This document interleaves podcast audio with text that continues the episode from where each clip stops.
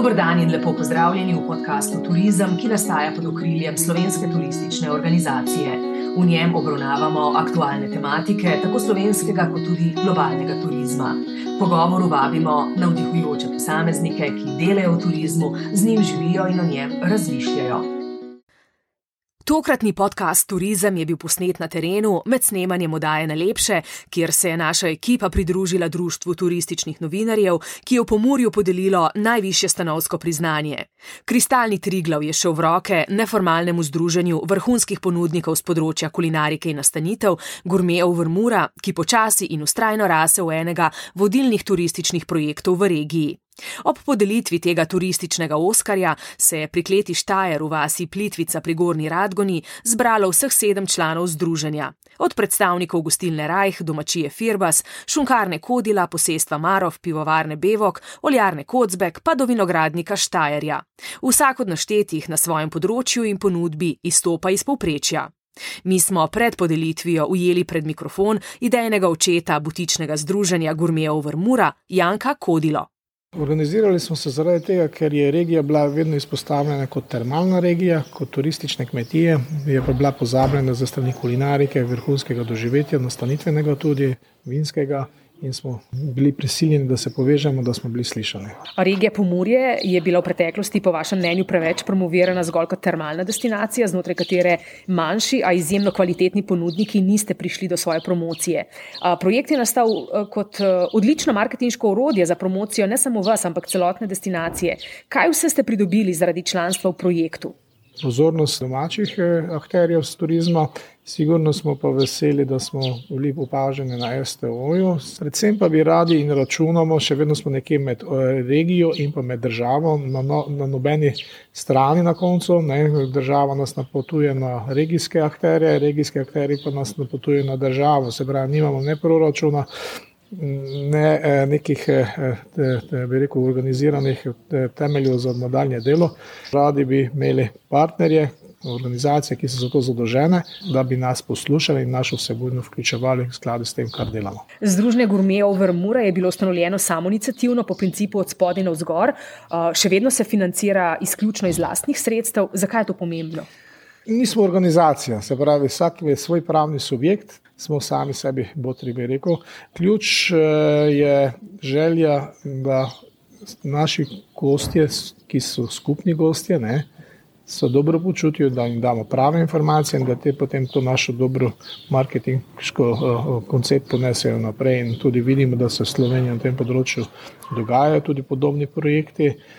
Bom pa še povedal, da se financiramo z lastnih sredstev in pa v srednji dogodek, ko postavljamo, zagotovimo sponzorje z našimi osebnimi komunikacijami oziroma z našimi eh, eh, povabili. Se nameravate še širiti in kaj je pogoj za pridružitev novih članov? Ja, to je pa izziv, ki ga imamo pred nami, ker mi smo neformalno društvo, se pravi, nismo organizacija, je mala ekipa, ki za svojimi lastnimi vložki naredi projekt in ga izvede. Moramo se odločiti, bi rekel, izziv je, se pravi, potem gre nova dimenzija, ki mora biti organizacija pravna, kjer potem tudi lahko kandidiramo. Bi raje bili, da bi imeli eh, organizacije, ki bi v regiji imele posluh za nas in prepustilo tole zadevo, da organizirajo, ampak da nas pa vseeno poslušajo in vključujejo v njihove promocijske programe kot eh, del regijske promocije. Na podelitvi kristalnega triglava pa smo za mnenje o združenju povprašali tudi enega izmed članov Gurmejev Vrmura, Bojena Firbasa, mladega gospodarja kmetije Firbas, ki ima v svoji ponudbi tudi doživetje Slovenija Unique Experiences. Povejte, zakaj ste se pridružili združenju Gurmejev Vrmura? Čist preprostega razloga. Naši kraji si zaslužijo kvalitetne storitve za turista, zdaj ali je to samo mimobežni obisk ali za daljše bivanje, preživetje. Predvsem pa smo se najdli taki partnerji sprva, ki ponujemo različne kulinarične doživetja. Sedaj pa še pač bomo videli, kam bo ponesel veter, kako bomo razširili. Ponujete tudi petzvezdično doživetje, spanje na Seniku. Se vam je to obrestovalo? Gostovalo preteklo leto, ko je bilo Pomorje prav uspešnica, kar se tiče turističnih bonov? Vsekakor lani uh, je, je bilo negotova situacija, nismo vedeli kako in kaj. Uh, to zvezdniško doživetje z Senikom je nekaj posebnega.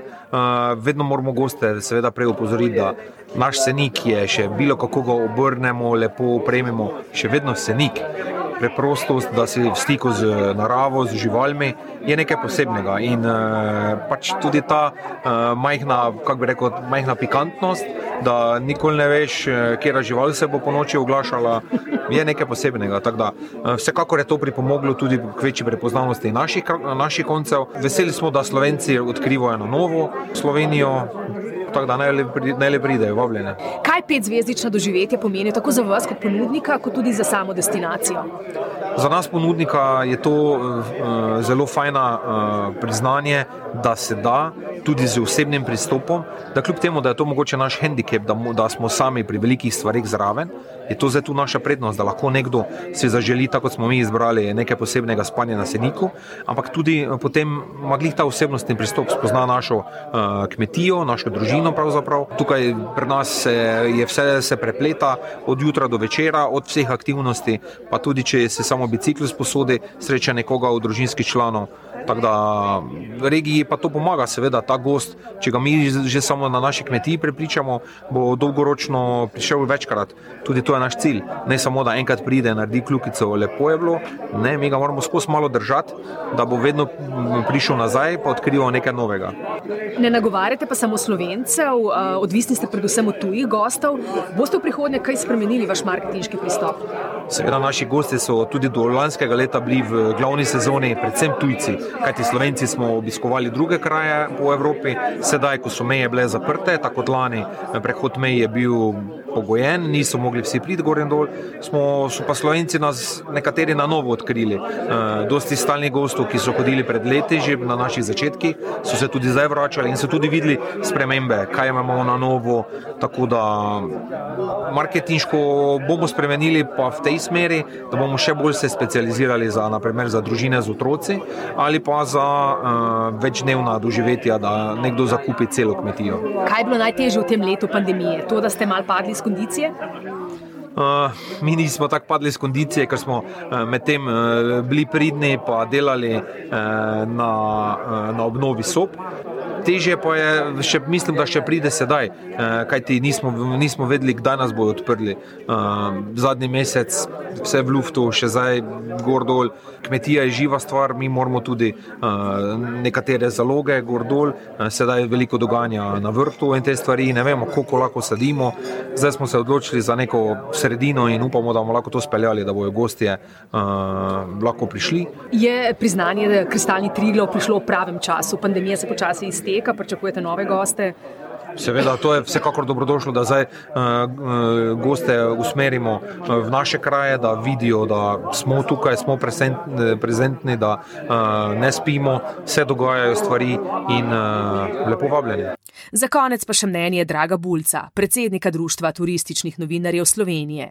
Kristalni Triglav 2020 je bil namreč podeljen na podlagi večletnega spremljanja turističnega razvoja celotne pomorske regije in njene promocije, k čemer je močno prispevalo tudi butično združenje Gurmejev Vrmura. Združenje je naredilo preskok ravno uh, v tem, da je čisto drugačno od tega termalnega turizma, ne, s katerim smo pomorje vse čas povezovali. Tle se je pa sklop malih ponudnikov povezal v res nadstandardno ponudbo. In to povsem neformalno, te svoje priditve, promocije so plačevali svojih eh, sredstev. Ne. In to je v bistvu nas dokončno pripričalo, da so tisti pravi, ki bodo tudi drugim v Sloveniji pokazali, kako je treba naprej. In zato smo ta naš kristalni triglav, mi mu rečemo kar slovenski turistični Oskar, podelili njim in zdaj le, ko smo recimo šli pogledati to v živo, moram reči, da se nismo zmotili. Resnično so to krasni ljudje, mladi, v glavnem s odličnim konceptom, vejo, kaj delajo, vejo, kaj bodo jutri delali in pojutrišnjem. Drugačna podoba pomorja, kot smo jo vajeni. Tako in bodo potegnili tudi druge za seboj. Kje vidite pomorje čez deset let, kam bo šel razvoj? Jaz mislim, da bo v bistvu eh, ta težka turistična industrija, ki je v bistvu mal zaostala za časom da se bo z, eh, posodobila, bo v bistvu dobila neko novo uh, vodstvo, nov zagon in da se bodo organsko povezali s temi zdaj je moderno reči mehurčki, to so pa razne manjše, recimo prenočitvene zmogljivosti in seveda tudi gostinska ponudba. In ko bo to v bistvu funkcioniralo kot celota, bo seveda ena krasna turistična piramida in uh, za ta del Slovenije se nam ni treba bati. Turizem ima tukaj zagotovo pravo prihodnost, ni velike pozidanosti in to je garancija, da bo to res pravi zeleni turizem, ki ga v Sloveniji želimo dolgoročno razvijati. To je bil podcast Turizem, ki je namenjen vsem, ki turizem delate, živite in ustvarjate. Tokrat smo imeli v fokusu nagrajeno pomorsko združenje Gourmet over Mura. Vabimo vas k deljenju epizode in poslušanju podcasta tudi prihodnji teden. Srečno!